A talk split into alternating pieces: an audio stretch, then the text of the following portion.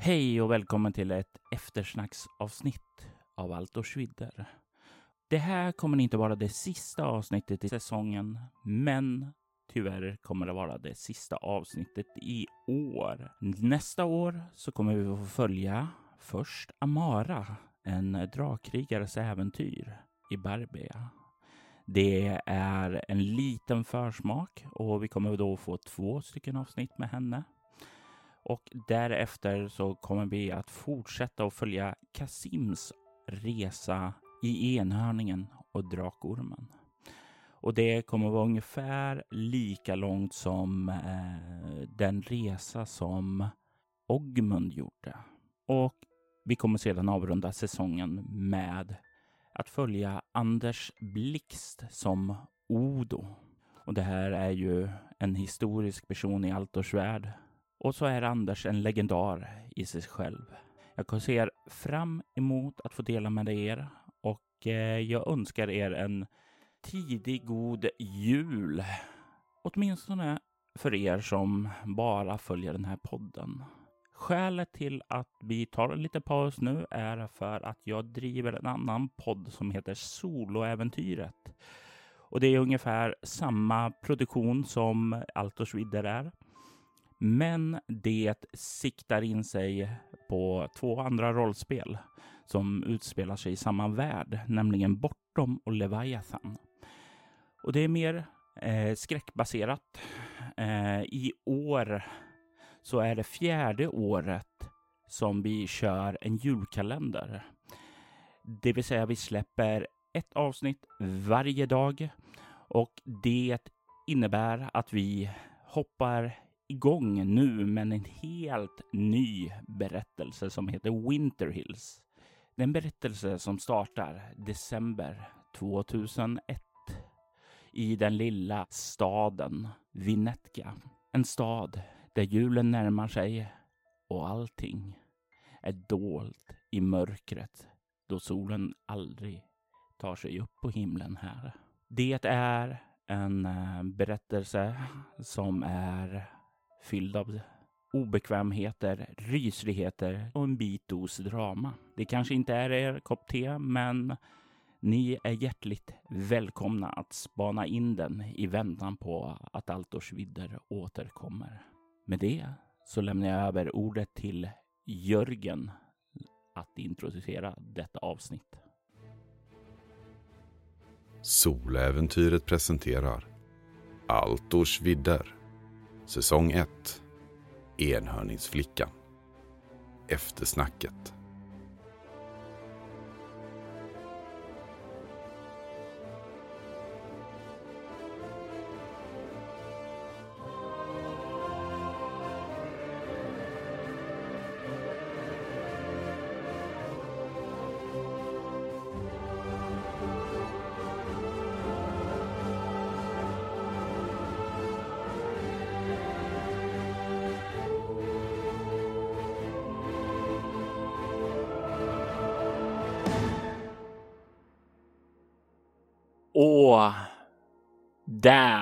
Så har vi wrappat din första säsong i Altors vidder, Emily. Ja!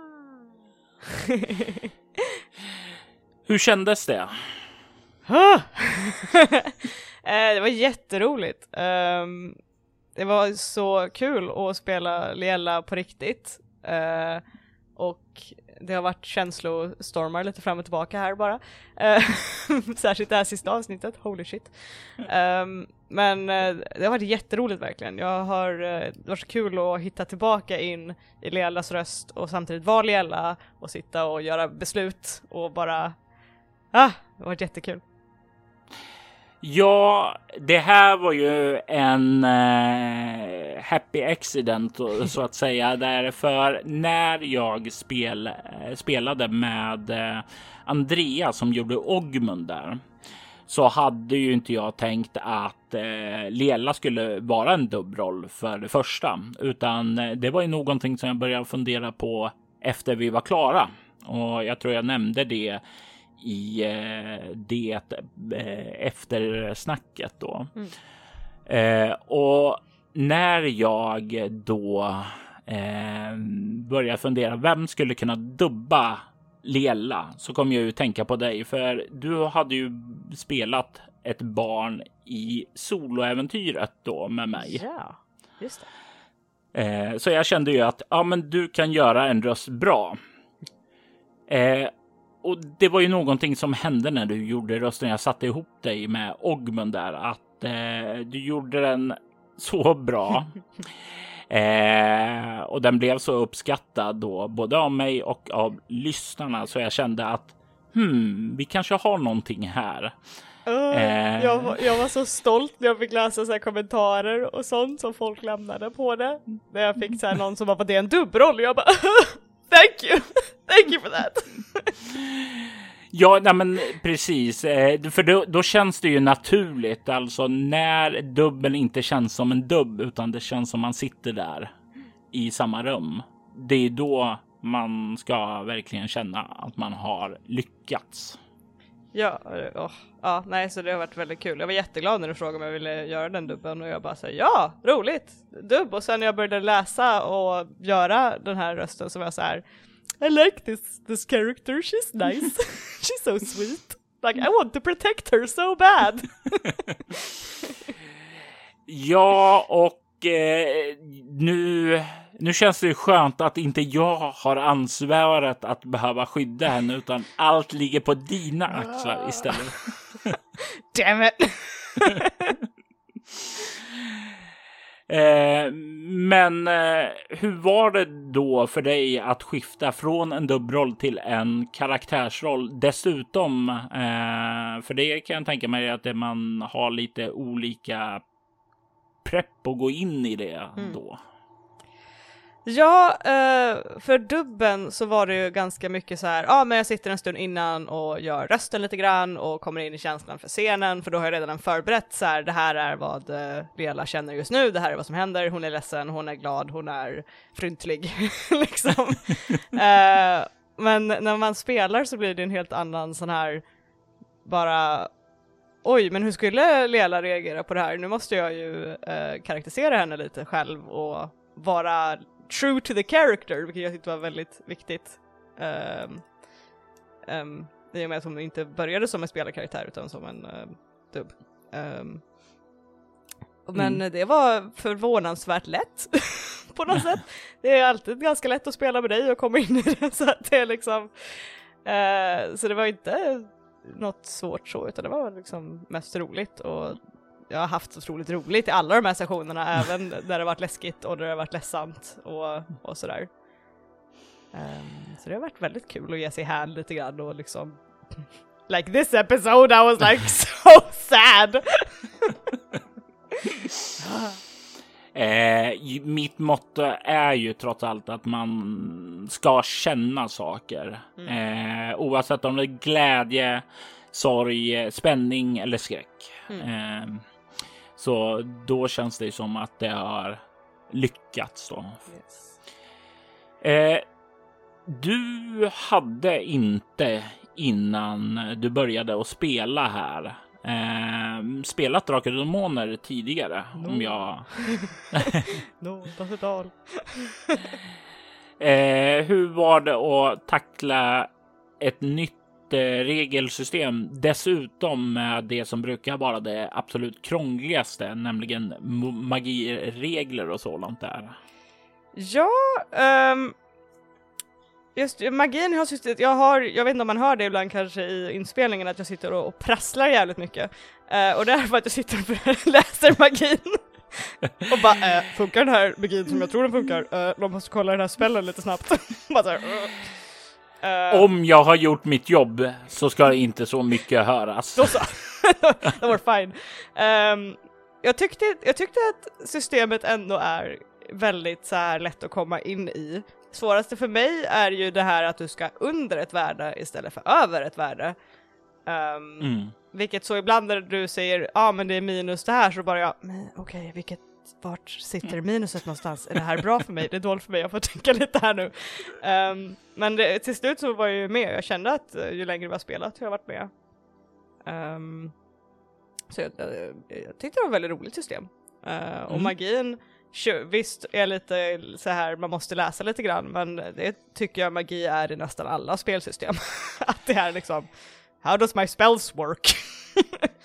Ja, ja men det, så, det har du ju rätt i. Det är ju alltid det där man sätter sig in och sitta och välja ut och välja att ha sig där. Så det är ju sällan en spelare har alla sådana. I alla fall om man har ett par då. Mm. Du har ju lite mer än vanliga magiker brukar ha eftersom du har en reinkarnerad eh, prästinna i dig som boostat din magi. Yeah, it's pretty great. och det är ju också det som Krondo kände av i sista där. Han känner ju att du eh, har en speciell magisk förmåga som är betydligt större, starkare än vad många andra är. Så mm han ser ju dig som en jättetalang och det är ju därför han vill drafta dig här till det. Yes. Uh, det Men... kan jag säga hjälper lite grann att, det, att ha ganska så här, okej okay, du kan kasta magi liksom ganska mycket som du vill, vilket är ganska skönt. och bara så här, inte, för det lägsta jag kom ner på tror jag i psy minus var 50 någonstans tror jag. Mm. Och det här kanske låter jättemycket för de som lyssnar här. För 50 brukar man ju inte ha. Eh, men du, vad är det Liella har i psyke? Eh, Liella har 16 i psyke. Mm, men sedan så har ju hon en länk till en enhörning som hon kan hämta psyke ifrån också. Och det är ju någonting som beskrivs i enhörningshornet. Och den här enhörningen såg vi ingenting av i den här första säsongen. Men eh, vi kommer ju att få träffa right. den längre fram. Eh, en sak i taget i presentationen så att säga. Ja, yeah, det har varit en, en hel del redan. Ja, ska vi gå lite från början och kolla där eh, vad vi reste igenom då. Yes. Eh, det i mångt och mycket så är det här ju inte en berättelse som ja, har något stort mysterium och sådant, utan det här är i princip i princip en eh, händelse där du flyr och det förändras till en roadtrip. Eh, och jag hade väldigt, jag hade några händelser förberett längs vägen. Men jag hade inte så spikat så mycket för jag ville att du skulle ha lite grann möjlighet att påverka var du begav och var du tog vägen så att säga. Yes. Men vi började ju med eh, det här att du fick etablera dig i själva livgivande källans tempel och sedan så planterar ju jag den här drömmen om Yndar för dig också. Mm, just det. Eh, hur kändes det att kicka igång med det efter en sån här fin etablering om harmonisk trädgård eh, i, i ditt hem då så att säga? Det var inte det jag trodde skulle hända. uh, jag bara såhär, ah nice, nu ska vi såhär uh, have a nice time chatting with my friends. Och sen så bara, nej du är på ett berg. Okej, okay, varför är jag på ett berg? um, nej men det var väldigt spännande, det var mm. väldigt så här. Där började min första så här, vad skulle Leela göra? När hon ställs inför det här. Um, uh, och uh, det var väldigt det här, well, också att jag är jättenyfiken på vart är jag någonstans? Vad, vad händer? Varför är jag på en, i en ravin, typ? Um, jag tyckte det var väldigt uh, läskigt och spännande och särskilt den här biten med um, den här okände mannen som dök upp. Mm. Den som uh, Lela sa, var det Ogmunds pappa? Precis. den som var, wait! Ja, och eh, det var ju en eh, hel, eh, helt korrekt observation, för det var Ogmunds pappa du träffade där. Ah. Och det är lite grann så här som jag har planerat den övergripande storyn, alltså att eh, saker till exempel från Ogmunds backstory kan dyka upp här hos dig och saker här som du gjorde kan dyka upp in i Kasims och så vidare och så vidare. Mm. Eh, att det finns en bakomliggande story här som vävs igenom alla era olika karaktärers arkar. Så det var väldigt roligt att kunna få sy in det här i din ark. Mm. Det är alltid spännande att få lite så här interweaving och liksom uh, kopplingar hela tiden tycker jag är väldigt spännande. Mm. Och jag pratade lite med grann med Andreas idag och varnade honom att mm, om du ska lyssna på Lielas ark så kan det bli spoilers för dig. Och han bara, uh, vad ska jag göra nu? och han, han lutar nu att inte lyssna på det här för att vara ospoilad och få upptäcka det i sin ark. Ah, all right, all right, all right. eh, och det är lite så där spännande också där tycker jag. Ja, verkligen. Eh, och den här platsen Yndar som du besökte i drömmarna, det är ju en plats som är väldigt, väldigt viktig, för det är ju där till exempel nekromantin föddes, den ondskefulla magin, den som står ja, som en spegelbild till animismen då som du studerar då. Och det är ju inte den sista gången vi kommer besöka den här platsen utan den kommer vi återkomma till. I know. du sökte ju dig när du väl kom ur drömmen och så till den helgade och mötte Tarik för den första gången. Vad gick igenom dina tankar där? Ah, det... Uh Mm, jag har spelat så mycket rollspel att man är alltid så här suspicious of everything. så att min första tanke på riktigt var så här, den helgade jobbar med den här jäveln, I don't know how, but they're like friends, they're plotting my device, and it's the worst. Um, men sen så var jag lite mer så här när hon skickade iväg mig, jag bara okej, okay, maybe she's not evil, maybe it's fine. um, jag var mer så här att han var läskig och det var också en sån här när man så här i huvudet bara så här, I wanna fight, I wanna kick his ass, och sen så bara, fast jag är en 13-årig liten flicka som inte kan så mycket om att slåss och, och sådär, och hennes förebild säger spring, då kommer du springa därifrån för att det är det hon säger att du ska göra. Ja, det hade kunnat bli en väldigt, väldigt kort kampanj annars där. ja. eh, för Tarik bär på ett svärd som han kallar för Shabsadar. Och det är ju en av de mörka kronjuvelerna. Eh, och det svärdet är ganska farligt och ganska mäktigt. Så det hade kunnat... Jag satte en helt annan prägel på det här. Yeah.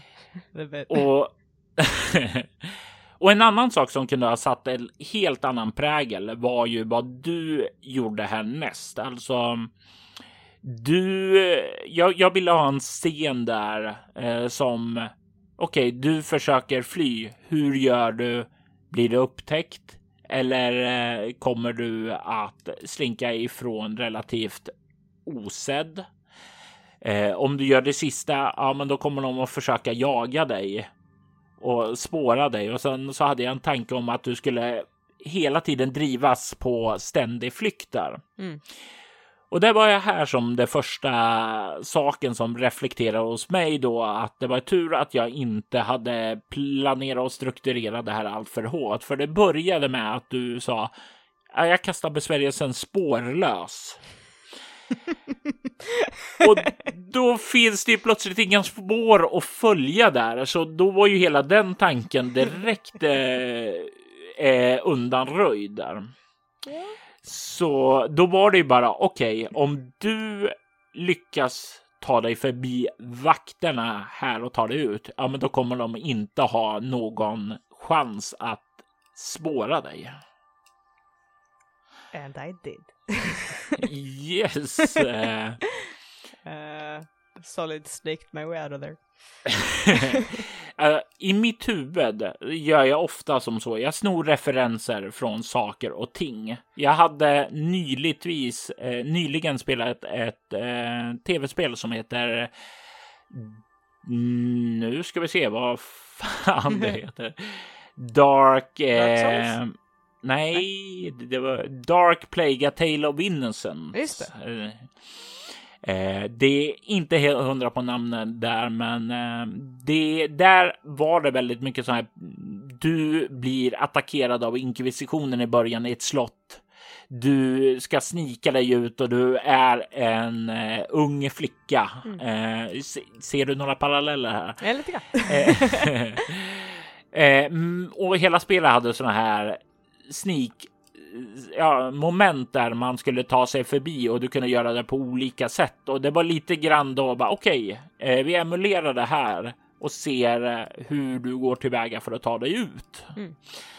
Eh, så det var ju liksom, jag riffar ofta på sådana här händelser från antingen filmer, böcker, spel eller sådant där. Bara för att det ger någonting enkelt att utgå ifrån när man improviserar. Jo, jo, jo verkligen. Det är helt sant.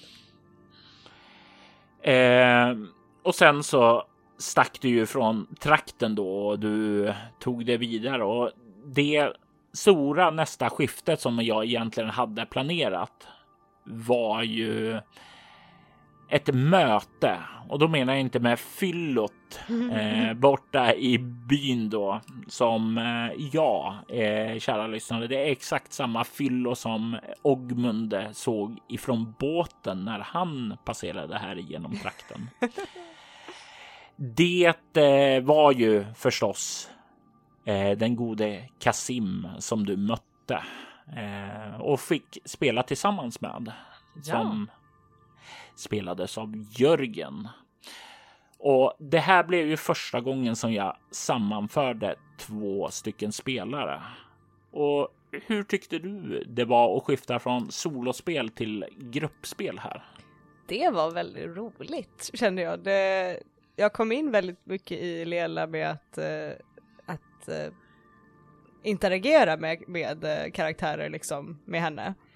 Uh, och när hon var på flykt så var det lite den här, jag vill inte prata med någon, jag vill, litar inte på någon, jag vill bara härifrån. Um, men eh, så, så, när jag träffade Kasim så var det väldigt så här, haha, I have a friend. uh, vilket var trevligt. Um, det var jätteroligt, det var väldigt kul att spela med, med Jörgen. Han, det var väldigt uh, skön stämning vi hade under de här uh, spelmötena som vi hade. Ja, och jag, jag är ju jag är ju inte mycket för att det ska vara eh, smooth sailing så att säga. Utan jag gillar det när det blir lite, eh, ja, eh, lite trubbel eller vad man ska mm. säga i början där. Och jag tyckte det blev en så väldigt fin scen när först han bara trillade där och det var ju lite grann eh, Jörgens idé när jag började tala med honom att Oh, men ska jag eh, som stor stark krigare komma här och skydda eh, Liella? Eh, kan mm. vi inte göra det på något spännande antisätt här? Och det var ju lite grann det som jag hade i tanken där, att börja med och inleda alltså att det är han som hamnar i trubbel. Mm. Och det är lite grann Liella som får rädda honom ur trubbel där. Och då kastade jag blixtar på honom. It was great. Jajamensan där. Eh, och det är ju din, det är många sådana här små bitar. Alltså du har ju dels magi. Du har ju ett förflutet som helare också. Och sen har du vild magi. Mm. Och den här vilda magin är ju inte någonting som introduceras direkt i enhörningshornet eftersom eh, det inte fanns då, utan det var ju först med Magikerns handbok som det kom. Mm. Men det finns en sån här slumtabell att eh, du kan kasta blixtar om du eh, slår en viss summa på en tärning när du blir rädd. Mm. Och det var ju någonting som introducerades i enövningszonet för eh, det var Andreas då som slog det resultatet när det var involverad i en strid vid en brunn på ett torg på en natt. Mm. Så då kände jag att ja, men det här känns rimligt att det är en vild magisk förmåga och det var ju så den kom till liv där då också. Det kändes ju som en Alltså det, det blir ju en synergi där att eh, din första vän blir träffad av din blixtar och eh, din andra vän här blir också träffad av blixtar. Det är lite grann eh, Liellas sätt att introducera sig själv för de nya vännerna. Let's be friends, zap! ja, nej, det, var, det var en väldigt kul scen verkligen. Det var, man eh, fick en connection på en gång och sen den här, och jag är jätteledsen att jag skadade dig och det här var jättejobbigt och bara, det är okej, uh, jag skyddar dig, uh, nu går vi. man bara, okay. eh, och det, men det var ju också saker där som jag tyckte du gjorde på ett väldigt, väldigt fint sätt så här bara. Jag kollar på honom och funderar om jag ska kasta impregnera på honom, men jag vågar inte. Alltså sådana här små saker, mm. små detaljer i karaktärsgestaltningen där som hjälper till att skapa en känsla för en eh, rollperson också. Så jag tyckte hatten av för det. Tack! Eh, jag gillar lite tanken på att eh, det är en magi som hon har lärt sig väldigt mycket om och hon kan mycket om den, men den har också gått fel så pass många gånger att hon är lite rädd för att utsätta någon för, för den. så att det är lite den här, jag kan prova på mig själv, det är okej, och sen så bara uh, men tänk om jag gör någonting fel här. Mm. Särskilt direkt efter som jag har kastat blixtar på någon och sen våga lite senare bara nu kan jag impregnera dina stövlar, nu är det okej, nu vågar jag göra det för att nu har det inte hänt något på länge och vi har tagit hand om varandra, nu är det okej. Ja, och det blir ju ett fint eh, resesällskap av er när ni rör er framåt där. Eh, och ni kom ju till den här staden och ni såg ju då spåren av svartprästernas skövling där. Och vi får ju inte veta direkt varför det har skett. Utan det är kanske är någonting vi kommer få ana lite längre fram i Lielas ark. Mm. Eh, men ni kom ju till en by där, till ett tempel. Och ni fick träffa Tarik igen också. Ja! Och här blev det ju en rätt så viktig scen som du tog med dig eh, därifrån in i slutet av själva det här arken, nämligen att eh, du eh, sålde ut Ogmund. ja. ah, and what did I get for it? Nothing. Uh, okay. Jo, Tekniskt sett så fick du ju tillbaka ja, den ja. helgade i liv i alla jo, fall. Jo, jo, tekniskt sett så, så gick det ju bra. Um, oh, det var en så svår balansgång där för att jag bara såhär, Liella vill inte sälja ut Ogmund men samtidigt en helgade är liksom en sådan viktig person i hennes liv. Of course she would try to save her. Uh, och då mm. kände jag att det blev så viktigt att då styra in på, men då måste jag varna Ogmund. För att Ogmund kan ta hand om sig själv, men han måste veta att det här är på väg. Um, och uh, väldigt mycket det här, oj vad Lela är full av uh, så här skam och oj vad jag har fuckat upp nu. och det blev ju ännu högre med ja, slutet. mm. Och det här var ju en återigen en sak som jag ingen aning om hur du skulle hantera. Dess, och inte bara du, inte, utan även eh, Jörgen då. Mm. Eh, liksom, eh, det hade kunnat gå på så många olika saker. Mm. Alltså att du kunde ha sagt nej, jag tänker inte eh, svika Ogmund mm. och då rationalisera att den helgade är ju död. Mm. Eh, du bara ljuger för mig här. Eh, men det var ju det här det... att uh, Jörgens karaktär bara, nej men han ljuger inte, jag är bra på att läsa folk, att uh, hon är nog vid liv om han säger så. Och att Leela på det, vid den stunden då litade på honom så mycket att, jaha okej okay, men då är det nog så. Holy mm. shit. ja, nej men precis. Eh, och återigen, det är rule of the dice. Alltså det var ju... Um, det kunde ha gått en helt annan väg om tärningslagen hade blivit annorlunda också där. Mm. Eh, men nu var ju Jörgen tvungen att lyckas eh, med sina slag. Eh, och eh, det innebar ju som sagt var att eh, när du då eh, gjorde den här dealen att Ogmund eh, position såldes ut så blev det ju i det ögonblicket visste jag att okej, okay, det här kommer ju att läcka in i Ogmunds andra säsong och få en direkt påverkan för nu vet Tarik vad han är mm. och kommer bege sig dit. Men jag visste också då när du gjorde den här dealen att okej, okay, nu kommer du att bli återförenad med den helgade för Tarik håller sitt ord också. Mm. Hade du sagt fuck you eh, så hade det ju varit som så att ja, men då hade Ogmund inte fått möta Tarik. Mm. Men du hade fått träffa den helgade. Bit för bit. Ja. ah. Ja, ja, nej, som sagt, det var väldigt svår så jag satt, jag för mig att jag satt i inspelningen och bara så här What do I do? liksom bara, I don't know what to do, I need a minute. typ jag bara så här, bara, vad gör jag med det här? Och sen så bara, okej, okay, nej men jag får lita på att Ogmund Andreas är duktig nog att klara sig. Och det här är ju också en sak som jag gillar med rollspel, att sätta upp sådana här situationer där man tvingas göra ett vägval och inte ett val känns mycket enklare att göra än det andra. Mm. Eh, I min mening blir ett sådant val inte ett särskilt intressant val. Nej, men det påminner mig lite om typ Dragon Age när man ibland får göra så här. Here are two completely different choices. liksom, någon kommer bli fuckad över av det här beslutet. Uh, mm. Och det finns inget bra eller dåligt beslut. Uh, och man bara okej. Okay. Okej okay då. liksom.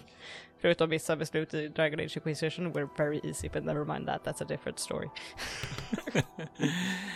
ja men så är det ju och alla val kan ju kännas lätta eller svåra för olika personer också. Mm beroende på vad man har för investeringar. Men för mig var det här jättesvårt val. Jag hade så mycket känsloinvestering i den här karaktären och i, oh, efter dubb, det är på grund av den här jävla dubben för jag är redan så här kopplad till, till och bara så här, oh, but I care about him, I don't want him to get hurt.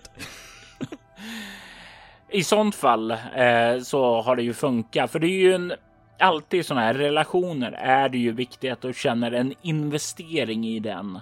Hade det här varit bara en person som jag hade skrivit var i din bakgrund och du inte hade haft någon interaktion med den överhuvudtaget mm. så hade troligtvis inte valet känts lika svårt. Nej, precis. That's, hats off to you for, for making me care about all these characters. Varsågod. Eh, eh, efteråt så tog ni ju en tripp vidare in i Spindelträsket. Och det var ju en eh, episod som hade kunnat vara annorlunda. Om ni hade tagit och rest till fots så hade mötet eh, lett er in i skogen och då hade ni fått möta en kentaur faktiskt och oh. fått lite insikt i deras kulturer och sådant där. Och det är ett sånt möte som stod i enhörningshornet, men som jag inte fick använda på grund av att eh, Ogmund valde att åka båt istället. Så jag tänkte bara fine, eh, nu kommer jag få använda det här äntligen. Men eh, det fick jag inte. Attat. Så jag satt och funderade lite på okej, okay, ett träsk. Vad kan vi göra med ett träsk? Och det var så mötet med häxan Amarossa kom till. Mm. Eh, träskhäxor är ju någonting som har förekommit i många olika spel och sådant där som jag har spelat. Så jag tänkte, ja, men det känns lämpligt det här och lite grann den här ja, Star Wars-wibben med eh, Dag Dagobah mm. eh, där Luke och eh, Yoda befinner sig där. Lite grann den visuella stilen som jag tänkte, okej, okay, man kanske kan göra någonting här. Mm. Hur kändes mötet med Amarossa? Ah, det var ett sånt här avsnitt där jag så här, så här jag förlåt Robert, du brukar alltid så här fuck us over. så jag bara, there's gonna be an evil witch, she's gonna be evil, she's gonna eat us. We're gonna have to fight her, she's gonna eat us. Uh, och sen när jag slog för att förstå mig på det här och jag slog så att jag lyckades, så bara aha, häxor är inte onda i den här världen av default. Oh. Um. liksom bara, ah okej okay, men så hon är en ganska trevlig hyvens person verkar som, som ger oss mat och, och sådär och det blev en så mysig scen istället för att istället för att vara livrädd så var det istället vad mysigt, vad kul, vi sitter här och äter, äter stuvning och, och pratar med en häxa. ja, och det blev ju definitivt eh, en annan känsla. Det var ju det blev ju som, ska man säga tre akter, panik, eh, flykten i början där, rädslan, ensamheten. Sen bondandet med eh, eh, Kasim då och börjar känna den här vänskapen blossande så sådant där och börjar känna en viss trygghet. Och sedan eh, avslutet där liksom okej, okay, lite grann ensam igen och men inte. Men hela det här hotet med svartpräster kändes nu ganska borta. Mm. Eh, och det var ju inte riktigt vad jag hade tänkt i början nej, då, nej. Eh, utan eh, ett eh, en kastad besvärjelse välte lite grann min tanke där eh, och jag tycker det är viktigt då att inte försöka eh, tvinga in dig tillbaka till rälsen då mm. bara för att eh, du var smart nog att eh, överlista den här eh, planen som jag hade då. Det var en av de där ögonblicken jag satt och läste mina spells och bara What does this do? Vad gör det här? Ah, svårlöst. Mm. Nice! Mm. Perfect! I'm sneaking! eh, precis, och det var ju väldigt väl använt och det är ju sånt där magier kan öppna upp saker på ett sätt som man inte alltid har räknat med mm. och då är det bara att göra sitt bästa för att rulla med det och göra det intressant. Då. Ja. Och det var ju det så mötet med Amarossa kom, utan det var ju någonting som bara. Ja, jag behöver ha en händelse i träsket. Eh, det finns inte så mycket intressant här i enhörningszonen. Vad kan komma på? Och det var väl ur min perspektiv, det viktiga jag ville ha ut det här scenen, det var ju att plantera både ditt och Kasims öde då. Mm. ah, ja, eh, det var en jobbig vision.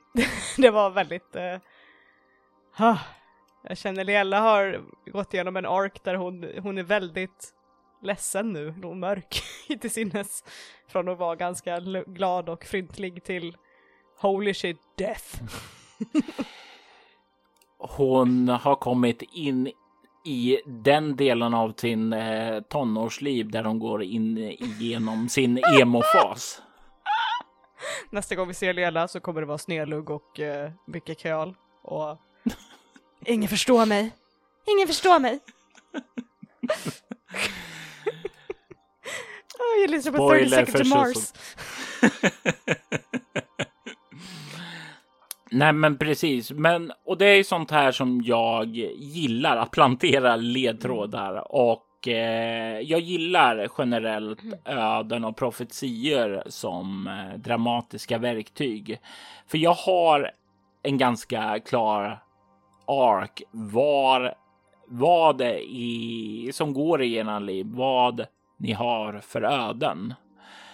Och då blir det lätt lättare att plantera saker om man vet vad det allt bygger mot. För mm. man vill ju gärna ha någonting som betyder något och inte som är väldigt, väldigt fluffigt och inte betyder någonting eller kan betyda vad som helst. Jo, jo precis. Eh, men samtidigt så är det ju som så att eh, jag ville plantera där i också att allting är inte låst i sten. Det går att förändra sina öden också där. Mm. Eh, så allting inte är, så allting är inte förutbestämt. Det finns ju såna här klassiska grekiska berättelser med öden som dras av gudarna och sådant där och sådana som frigör sig från gudarna. Om vi ska ta ett extremt exempel ifrån tv-spelsvärlden. Kratos mm. skär ju lös alla sina trådar och eh, dödar alla de puppet masters där som har dragit i dem. Eh, så det går alltid att bryta sig lös också och det kan ju bli en ark i sig då. Mm. Eh, men som sagt var, kära lyssnare, det är ledtrådar till framtiden, både för er och för de goda spelarna. Oh yes. Det var en, oh, det var en kul scen att göra hela den uh, häxscenen. Dels med visionen och dels att det var väldigt mysigt. Uh, And I got my first magic item! ja, eh, det eh, kändes ju det kändes roligt att kunna göra det. Att inte bara presentera sådant eh, genom att man lotar kroppar eller går genom dungeons, utan man kan också få sådana genom möten. Mm. Jag kommer ihåg när vi spelade Drakar och Demoner way back when, eh, troligtvis innan du var född. eh, så eh, då var det ju så här. I princip det enda man hittade var magiska vapen. Eh, och ofta bara genom att lota antingen döda fiender eller eh, hitta det i någon form av dungeon då. Så jag vill dra in lite andra föremål. Vi har en ring som Sanko hittade uppe i den klyftans hemlighet och nu har vi den här ringen eh, som du hittade. Okej, nu det är lite tråkigt att det bara ringar för att jag har dålig fantasi på den Men, fronten. Ringar är ju så här klassiska magiska objekt tycker jag. Det är liksom uh, make sense liksom. Enchant a small thing that you can carry on your person at all times. liksom. Jo, nej, men det har du ju för sig rätt i. Det är ju en klassisk eh, föremål att eh, besvärja och förtrolla där. Så mm. det har du. Det är därför de flesta spel har två slottsförringar på magiska items. Oh, don't get me started. Två ringar, du har tio fingrar. For fuck's sake. Yeah, pretty much. ja, nej usch. Eh... Om man kan ha dem på tårna också så kind of you have 20. Näsringar, öronringar, alltså du... Bröstvårtor, alltså du kan yeah, sätta ringar på många saker. Eh, ja, eh, och det är ju en sak som är eh, skojigt med Drakar och Demoner. Du kan ta på dig sjukt många ringar om du vill. Sen så kanske psykeförbrukningen kommer att döda dig, men det är en annan problem. Helt annat problem.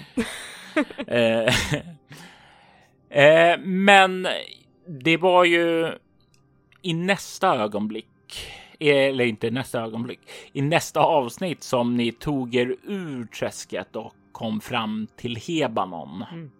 Och eh, ni eh, tog er in i arenan och det här var ju en episod som kastade mig åt eh, fanders. Jag var inte beredd på att ni skulle göra inbrott på eh, gladiatorarenan där, utan jag hade en tanke. Ja, ni passerar igenom. Eh, Kasim kanske pekar bort emot den att jag kommer att slåss där mm. eller jag har slagits där.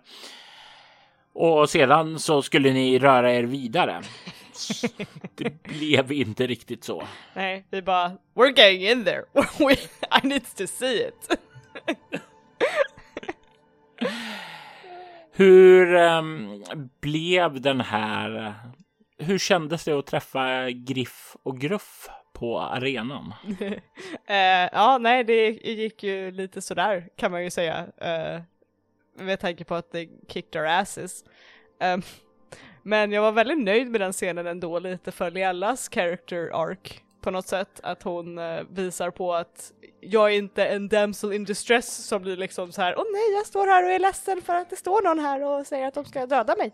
Utan uh, istället försöker även med sina limited means att uh, skrämma bort och liksom uh, försöker göra sitt mm. ändå. Uh, vilket jag tyckte var ganska spännande att få ge sig in i, även om det gick sådär. Men det är ju det som jag också tycker är roligt när man bryter de här uttjatade eh, troperna om ja, men damsel in distress eh, så att säga där så. Ja, och jag tycker det är så tråkigt för att väldigt många har den här to be a strong female character you have to be a badass. Du måste kunna slåss, du måste ha typ två tvåhandades svärd och liksom vara jättecool. Uh, jag tycker att nej, liksom man kan vara ganska cool även om man är inte en fighter utan man kan ändå liksom vara modig och, och inte bryta ihop utan istället bara ja, mm.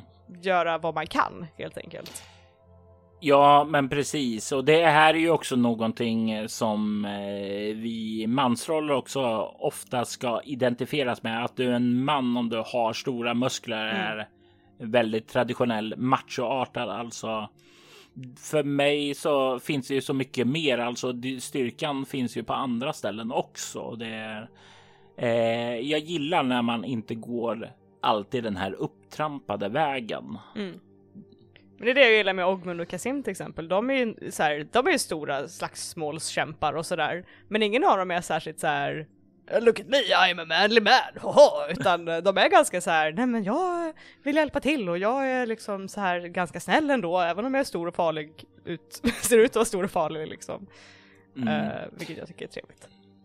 Mm, och jag vet ju det är någonting som både Andreas och Jörgen har funderat på när de har skapat sina karaktärer där. Mm. Eh, att de har funderat över Ja, som Andreas, han hade ju tanken med eh, Ogmund att eh, vara, alltså han tog ju halvårsrasen eh, där och vi lekte då liksom med allegorin alltså för utanförskap och mm. rasism då som halvårs kan känna då eh, för att skapa en liten ja, varierad bild där. Mm. Och Jörgen då som tar, har liksom fokuserat på det där. Jag kan slåss. Jag är duktig på att slåss, men som han säger att eh, som han säger till Lela då att nej, men våld är inget att vara stolt över. Mm. Eh, det är nödvändigt ibland, men det bör aldrig vara första vägen att använda där. Ja precis, jag tyckte det var väldigt, eh, väldigt bra karaktärsval av, av båda två. Jag var väldigt nöjd med mina interaktioner med dem på det sättet. Och att ingen av dem var så här, eh, nu framförallt då eh, Jörgen med Kasim, att det inte var Lela, stand back, jag tar hand om det här, utan mer, vad gör vi? liksom. Och det var ju det fina scenen med häxan att han sa som han sa. Han sitter och kollar på er båda och vet inte riktigt vad han ska säga där. Mm. Alltså, mm. då var det ju han som var i utanför sin comfort zone och mm. Lela i en starkare roll en eh, position där hon var mer bekväm. Ja, precis. Det var ja, it's great. Uh, men för att återvända till arenan, det var en väldigt kul scen helt enkelt. Det var särskilt när uh, man då fick höra vilka de här var och den här Oh sorry we almost killed you. Bye! och det här var ju så roligt att få introducera dem igen och eh, de alluderar ju till den här gladiatorstriden då som eh, var den tusende segern som Jörgen vann och det här är ju någonting som vi kommer eh, få eh, se ske i ett eget avsnitt i Kasims ark då sedan. Så det här är en liten tease om vad som komma skall också. Mm. Det ska bli kul att lyssna på. nu när jag känner till de här karaktärerna lite. Och de är ju återigen, de går ju genom era arker. Det var ju någonting också som eh, Ogmund träffade eh, på vägen där och hyrde för att få hjälp mot svartprästerna. Just det! Oh my god, det hade jag glömt. eh, och det var deras agerande där som Ogmund gjorde som gjorde att de hamnade i Kasims eh, närhet då. Mm. Så det är liksom handlingar som man gör påverkar andras arker återigen. So connected. yes, det är mitt motto.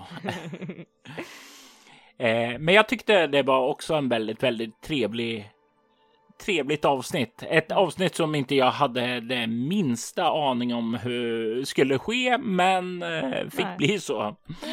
Just det, det var också avsnittet där alla i Hebanon trodde att Liella var Kasims dotter, vilket var väldigt gulligt och fint och sådär bonding like oh, I look like his daughter, that's so nice. Ja, och det var ju någonting som man kan ju fundera så här. Ja, en vuxen man åker omkring med en ung flicka, alltså antingen är det förbannat jävla creepy eller så känns det som att ja, men det är det mest naturliga. Det är ju en familj där alltså. Yeah. Och med tanke på att eh, Kasim hade ett gott rykte där så lär det ju tänkte jag att det lär ju inte vara som så att eh, de tänker att han är creepy. Nej, så nej. Då, då, då kändes det naturligt att spela upp det där. Det var- Och det var väldigt mysigt för, ja, det var väldigt fint sådär. He's like a dad, that's nice. och få lite den känslan, så här var- varmt och mysigt. Mm. Eh, jag tänker fråga dig, det, det, för det är ju någonting som jag tänkte lite på och vara så här lite orolig då. Bara, ja, men det här blir andra gången som eh, Liella hamnar eh, ja, med en eh, stor stark karl så Mm. att säga. Där eh, blir det uttjatat, blir det jobbigt, eh, förminskar det Liella eller sådant där. Och jag hoppas inte att det kändes så. Nej. Utan jag kände att det är snarare kanske mer vänskap eller bonding sådant var jag i alla fall ute efter. Jag kände liksom att, Leella fick eh, vuxna figurer att se upp till, helt enkelt. Bara liksom, vad betyder det att vara en modig person snarare än att, eh, ja men det här är två stora starka män, så såg jag det lite mer som, det här är två starka personer som Leella ser upp till um, och vill lära sig från och liksom kunna bli lite cool som, typ.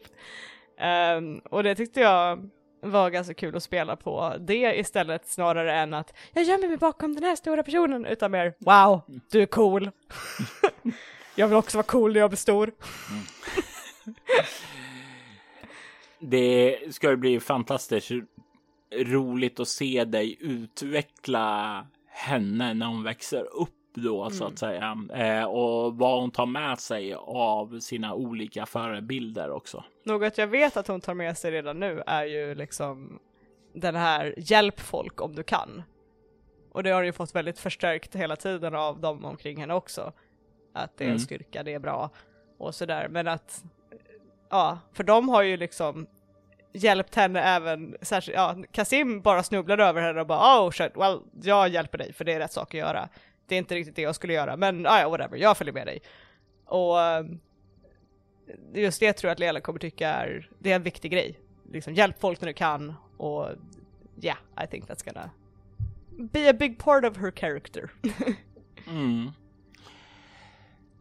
Och Eller hur? du tog ju ett avsked ifrån Ah, anyway, det här var honom. väldigt roligt. Jag har haft väldigt, väldigt roligt. Eh, Eh, Och det, det var ju lite grann mitt fel då. Eh, för eh, jag eh, separerar ju på er. Ni kommer ju att träffas igen längre fram då, men eh, jag tänker mig ändå att eh, det är ju en bra, en nyuppblossad vänskap där, men det är ändå några dagar, några dagars lång, så det är väl kanske inte som så att det känns naturligt att ändra hela sitt liv och rota sig Ja, nej, bara nej, för att vara nära där. Så jag hoppas inte det kändes för allt för styrt där, även om jag liksom sa ja, men nu kommer ni att få separera varandra, Mm. separera er från varandra och ni får gärna göra ett snyggt eh, avsked från varandra.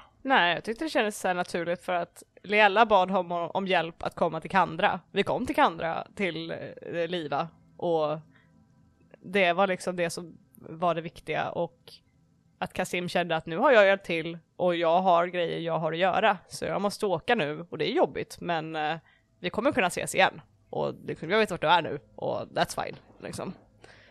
Det kändes väldigt naturligt tyckte jag att, nej men vi, vi är inte så connected at the hip utan att vi har två olika liv som möttes och korsades på samma väg men vägarna skenar åt olika håll sen ändå. Mm. Liksom. Det nog känns mer weird om, om kan säga bara jag hänger här, det är bra. I have no, urg I have no urgencies.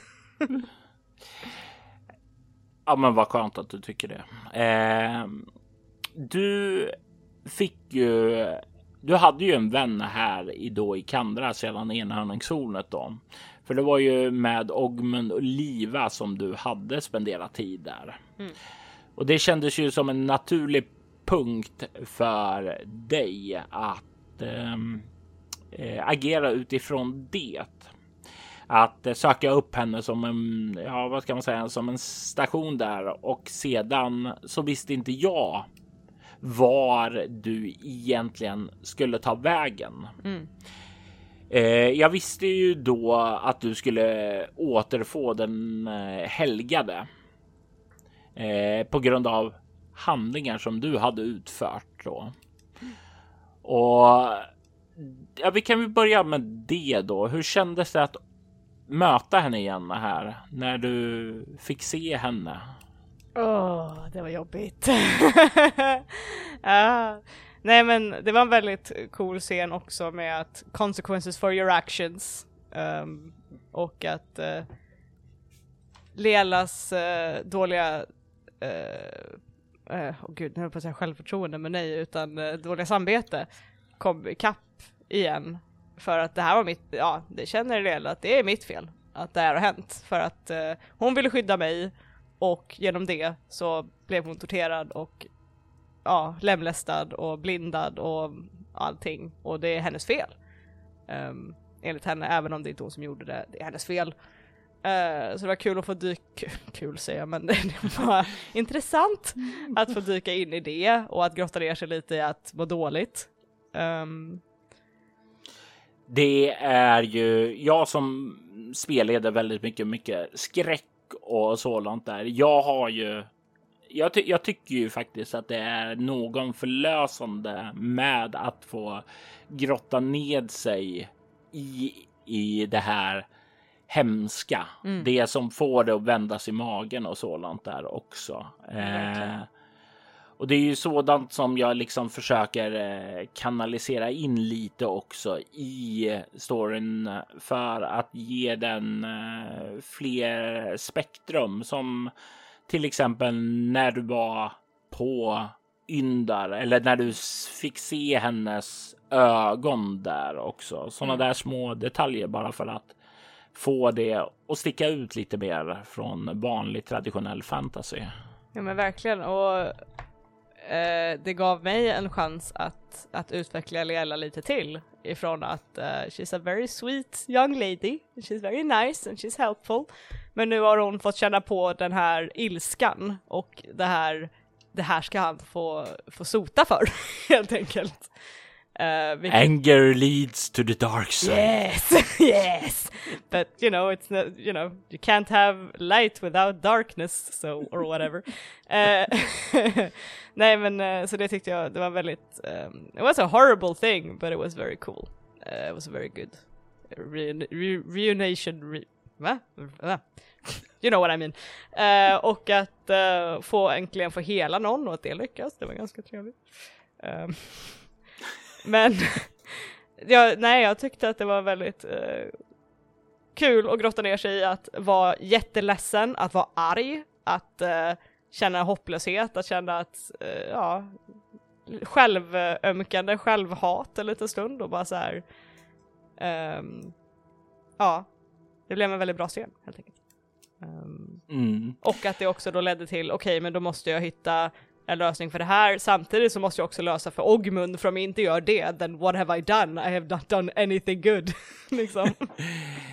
Och det var ju ett, eh, det var ju det som jag hade med mig innan vi började spela det här avsnittet här. Att jag visste ju att du skulle få tillbaka, jag visste i vilket skick du skulle få tillbaka henne. Och så visste jag ju att du hade Ogmund där.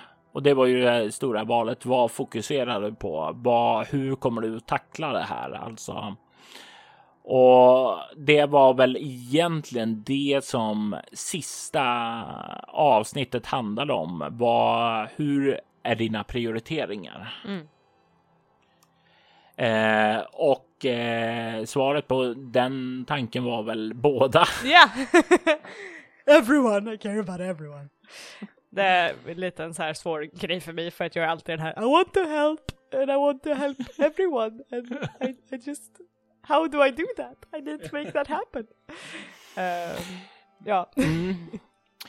Och det blir ju som så att jag eh, kände ju som så att eh, ja, men visst, eh, det hade varit roligare för mig om Ogben inte hade fått en förvarning, men eh, nu hittar du ju ett sätt att göra det på som eh, ja, nu får jag se till att han får en liten förvarning innan Tarik mm. dyker upp och säger hej.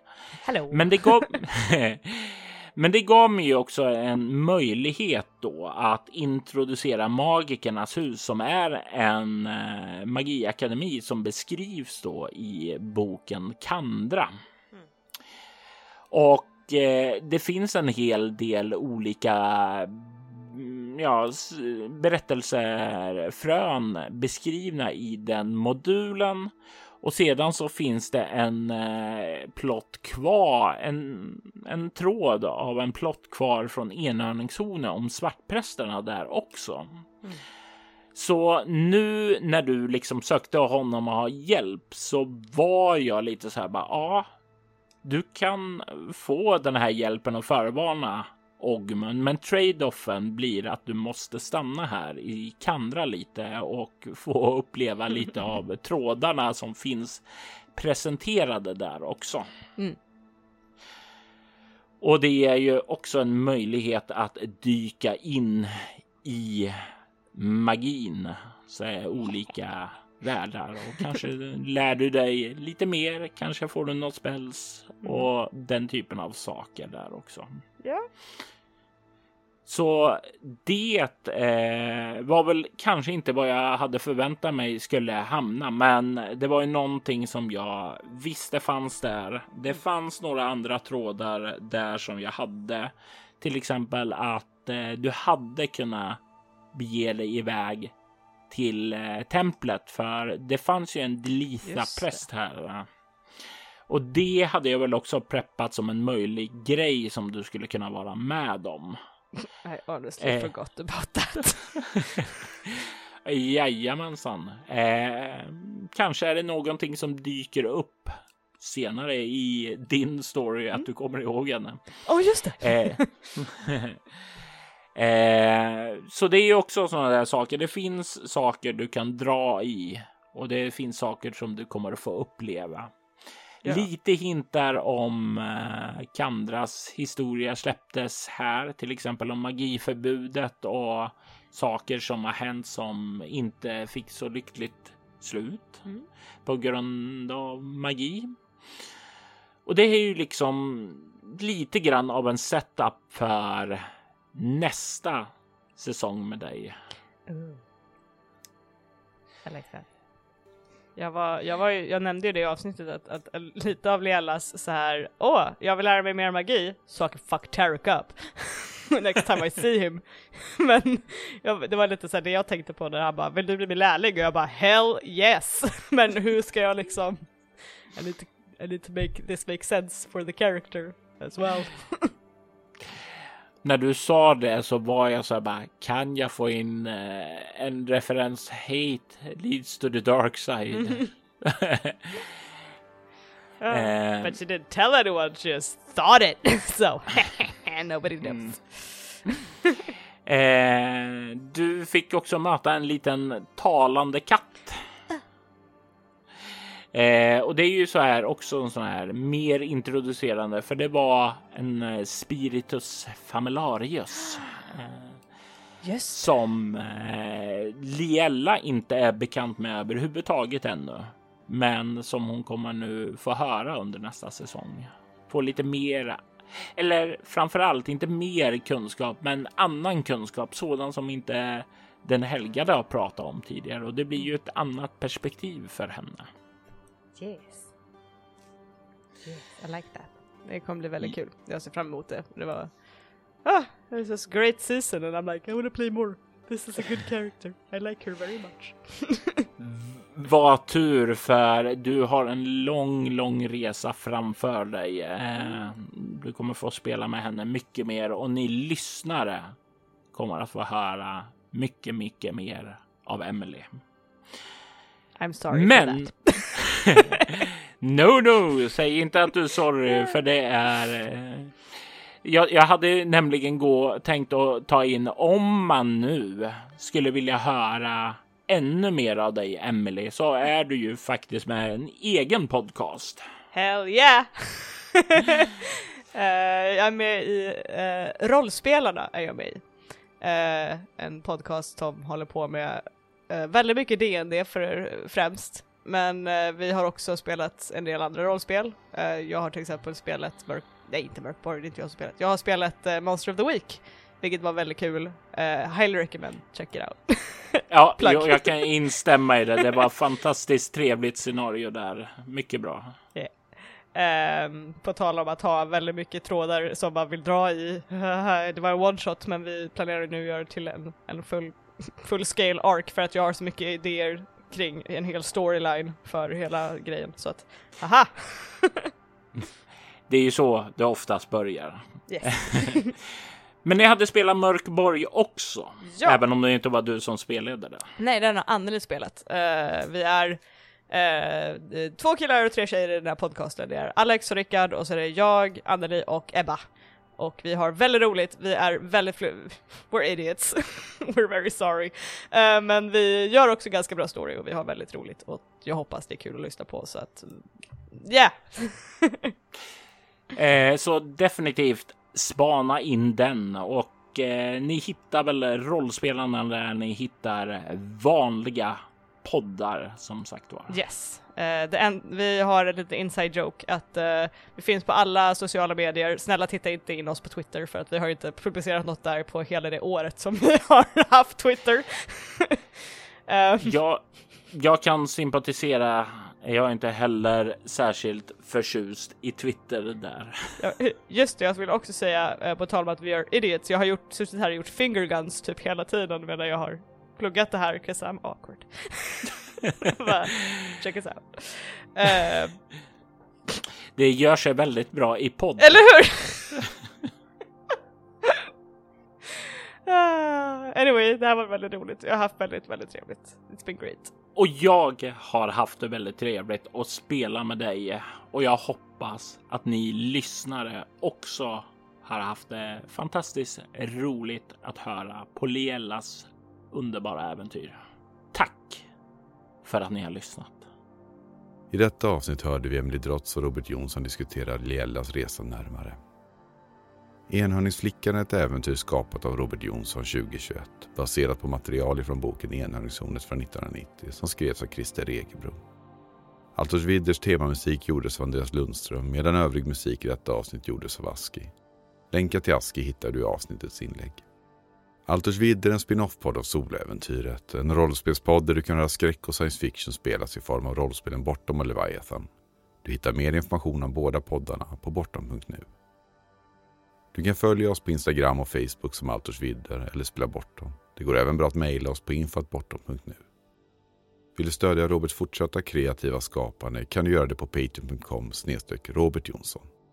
De som backar får tillgång till material i form av extra poddar och statusuppdateringar. Vi vill ta tillfället i akt att tacka Martin Stackelberg, Mia Gibson, Ty Nilsson, Daniel Pettersson för det stöd som de givit. Jag är Jörgen Niemi. Tack för att du har lyssnat.